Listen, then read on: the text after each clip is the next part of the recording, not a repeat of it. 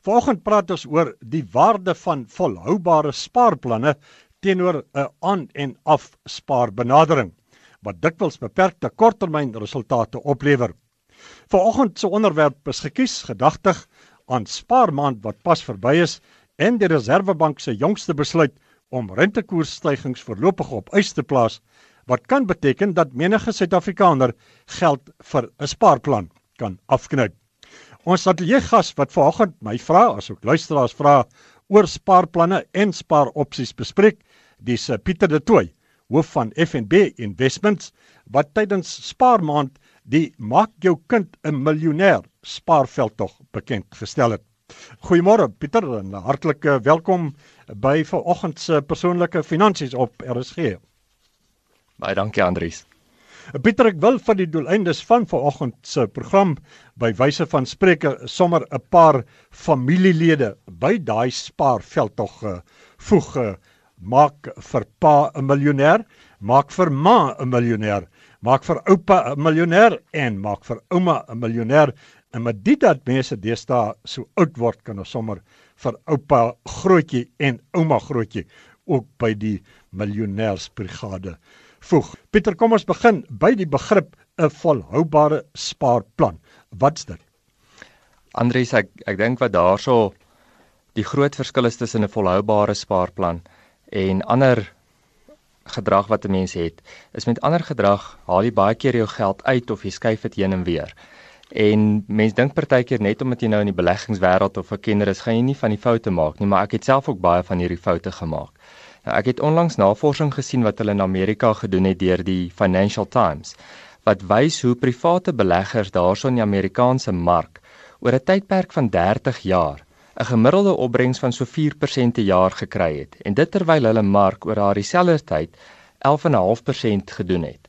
En die hooffout wat die mense gemaak het is wanneer die mark taamlik duur begin raak, dan voel hulle hulle verloor uit en dan koop hulle. En dan wanneer die mark afkom, dan raak hulle bang en dan verkoop hulle.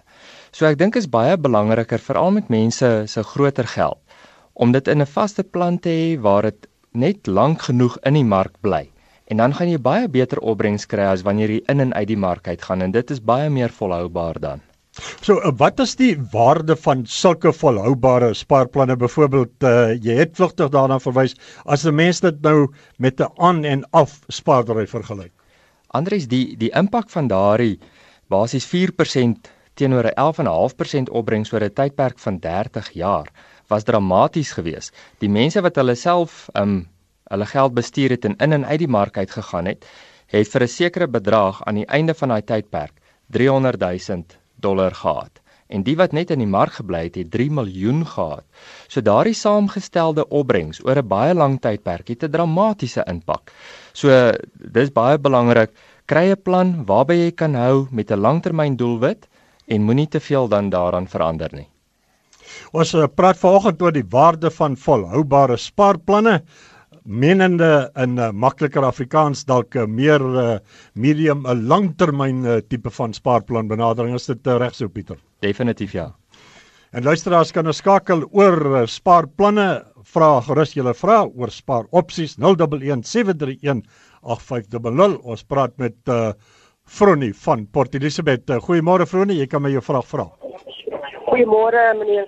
Um ek het uh, um ek het myself bevind in 'n situasie wat ek nog niks kon spaar nie. Um ek is 70 jaar oud en hoe begin ek nou? Goed, uh, baie dankie dat jy vir ons geskakel het uh Fronie, dis nogal 'n tamaletjie hierdie Pieter, dis nie net mense wat 70 jaar oud is wat wil begin spaar nie. Daar's baie ander mense wat uh, ook vandag al wil begin spaar. Hulle weet nie hoe om te begin of waar om te begin nie. So, die dame is 70 jaar, die die manier wat jy begin spaar, die kan van selfsprekend verander afhangende van die ouderdom.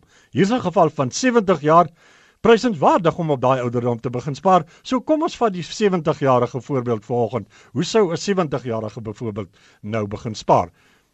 Dankie Andries en ek dink wat ook belangrik is is ons moet onthou soos jy al vroeër verwys het mense leef deesdae baie langer. So iemand wat 70 is as hulle gelukkig is kan al maklik 90 of selfs selfs 100 word. My ouma het geleef tot op, op die ouderdom van 99.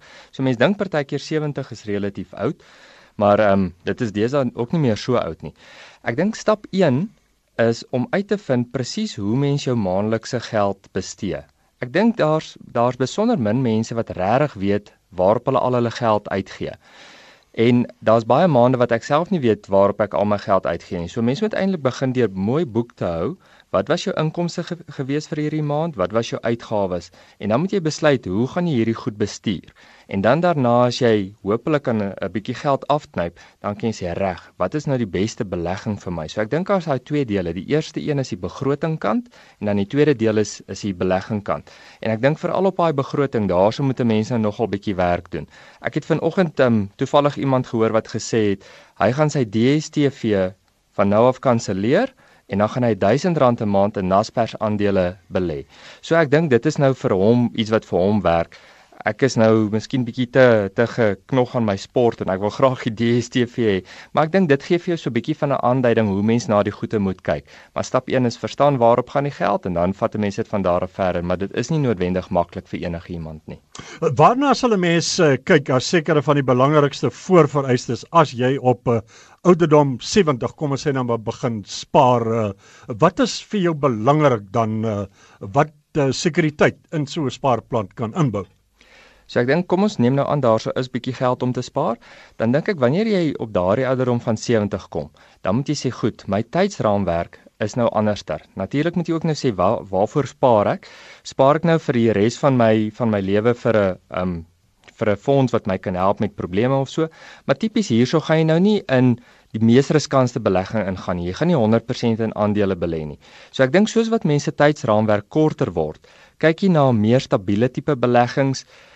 En dis nie noodwendig net 'n kontantbelegging in die bank nie. Ek dink dis nog steeds goed om in 'n meer gebalanseerde fonds te belê. Maar in jou fondse, jou effekte trusts, het jy aan die aan die een kant jou heel riskante goed wat net aandele is en dan jy van die ander fondse wat baie meer gebalanseerd is en meer kontant in het, meer staatseffekte en meer eiendom, dan kry jy baie meer stabiele opbrengs. So ek dink 'n ou wil nie in hierdie geval te groot risiko's vat nie. Maar as jy 'n bietjie langer tydsraamwerk het van meer as 2 jaar, dan dink ek is kontant ook nie die heel beste ding nie. En en dan as jy net na jou belangrik ag jou jou groot bekende name gaan kyk, dan het hulle baie produkte in hulle reeks wat presies aan hierdie goed voldoen.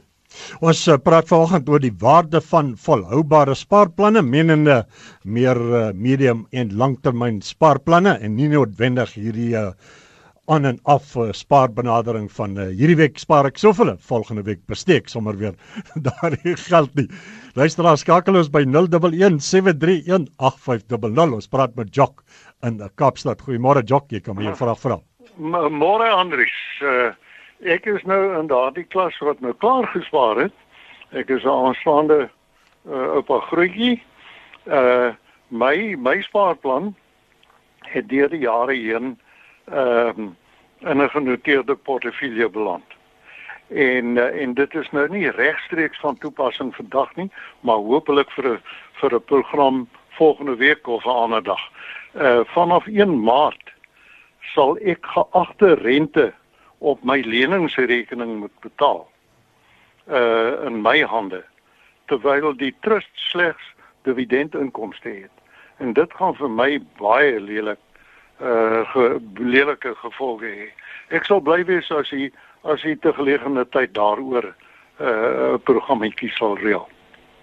Goed, uh, baie dankie dat jy geskakel het. Pieter, ja, mens kom by 'n punt waar jy as gevolg van die veranderlikhede in die markomgewing jou planne moet aanpas. Ek weet nie of jy spesifiek oor die geval wil praat nie, maar uh, daar seker sekerlik baie situasies waar mense op 'n dag-tot-dag basis nou gekonfronteer word verander veral in die wêreld van die vinnig veranderende en gewellige markwisselvallige omgewing waarin ons nou is. So hoe pan nader 'n mens daai situasie om te verseker dat jy steeds volhoubaar spaar, maar dat jy tog tred hou met die veranderlikes?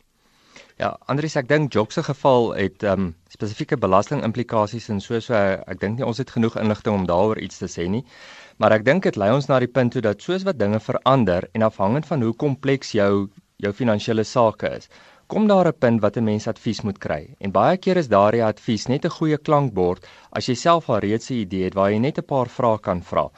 So Ehm um, ek dink wat vir ons bietjie bekommerend ehm um, kommerwekkend is van FNB se kant af is ons het 'n geweldige span adviseurs, 'n hele paar honderd by FNB en tog as ons kyk na ons kliëntebasis, dan is dit mas gemiddeld so 8 of 9% van ons kliënte wat van adviseurs gebruik maak.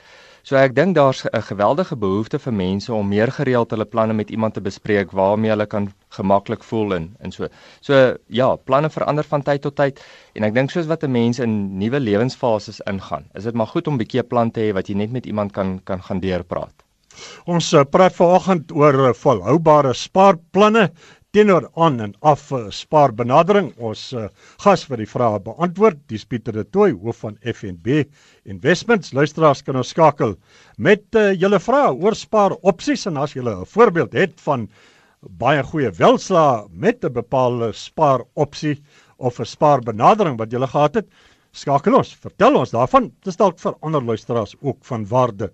Die nommer 011 731 8500.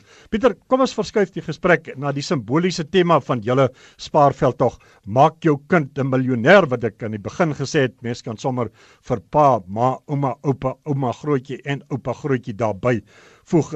Die konsep is waarskynlik nie net uh, op ouers van toepassing nie, maar ook op enige ander familielid wat 'n bydrae tot die finansiële welstand van die kind wil maak.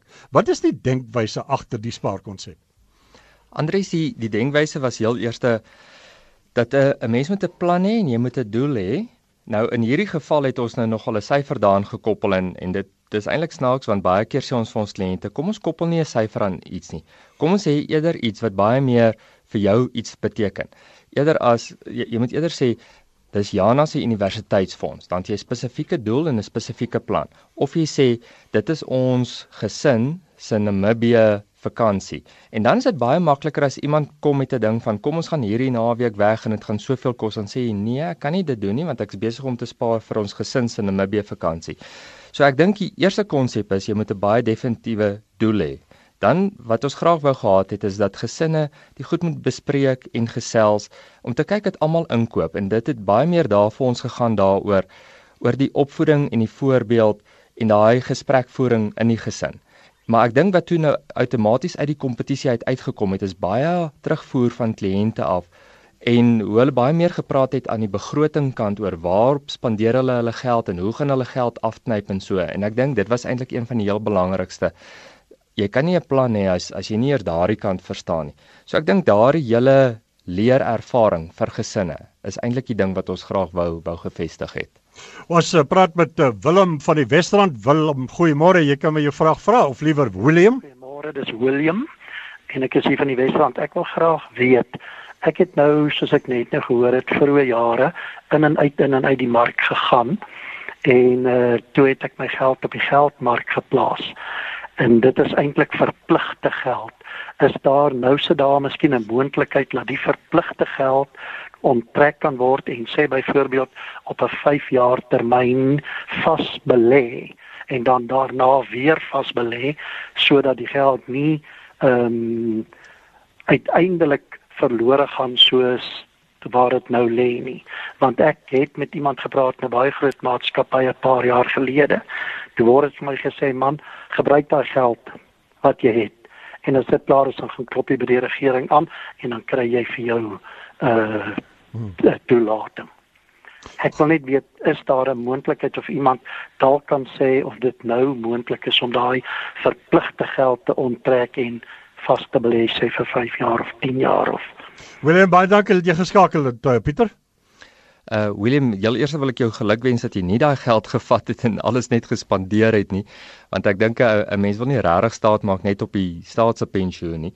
So Ek dink ehm um, daardie verpligte geld tipies kan mense in 'n verskeidenheid van fondse belê. My ouers se geld is ook in sulke fondse belê in en hulle wou graag baie konservatief gegaan het en dis baie soortgelyk in geldmarkfondse waarin hulle geld ook is. So ek dink die rentekoerse wat jy in die geldmarkfonds kry en die rentekoerse wat jy in 'n 5 jaar vaste belegging kry is baie dieselfde. So jy's eintlik reeds in daardie een. Maar mense moet ook kyk na jou eie ouderdom. As jy relatief jonk is, dan dink ek is dit 'n miskien 'n te konservatiewe benadering.